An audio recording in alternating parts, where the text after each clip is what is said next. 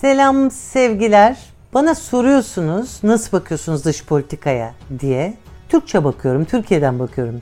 Yani Türkiye çıkarlarına hangi adımlar, hangi stratejiler uygun, hangileri uygun değil bunu yazıp çiziyorum. Yıllardır bunu yapıyorum. Benim için şu kesin bilgidir. Türkiye Atatürk'ün vefatı sonrası kendi çıkarlarını koruyamamıştır. Dış politikada Türkiye çıkarları aleyhine birçok adım atılmıştır.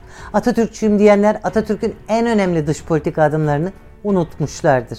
Atatürk'ün dış politikası binlerce defa söyledim dış politikasını yasladığı üç ayak vardır. Balkanlarda nüfus sahibi olmak, böylece batıya mesafe koymak. Bu çerçevede Balkan Paktı imzalanmıştır. Doğuda İran'la, Irak'la, Afganistan'la dostluk ve işbirliği anlaşması yani Sadabat imzalanmıştır. Ve en önemlisi Sovyetler Birliği ile dostluk anlaşması imzalanmıştır. Atatürk için en önemsediği anlaşmadır.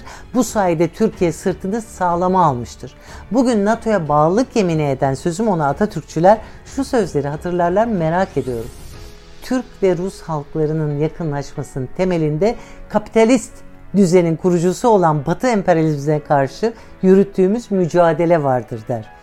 Atatürk'ün sözlerini birebir okuyorum. Moskova Anlaşması'nda tarihi ve Türkiye'nin yerini sımsıkı belirleyen ifadeler görüyoruz.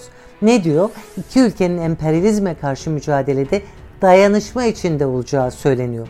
Bir devletin karşılaşacağı zorluğun diğerinde ilgilendireceği ifadesine yer veriliyor. Ve her iki milletin karşılıklı çıkarlarının sürekli olarak gözetileceği açıklanıyor.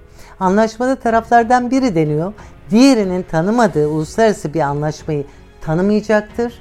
Ardından Sovyet hükümeti diyor ki Ankara'nın misak-ı milli sınırlarını Türkiye olarak kabul ediyoruz ve Sevr'i tanımıyoruz. İşte böyle diyorlar.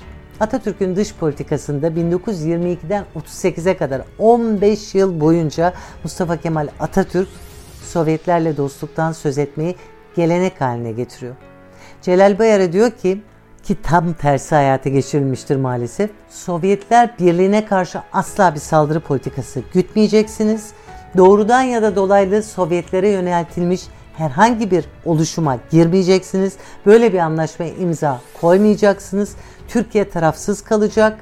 Bir ittifak içine, taraflı bir ittifak içine girmeyecek. Bunları söylüyor. Ama ölümünden 10 yıl sonra Türkiye her türlü pisliğin döndüğü Atlantik örgütlerine balıklama dalıyor. Daha doğrusu o örgütler tarafından oltadaki balık yapılıyor. Bugün Ukrayna meselesinde yapılan konuşmalar nafile konuşmalardır. Atatürk'ün dış politikasıyla taban tabana zıt konuşmalardır.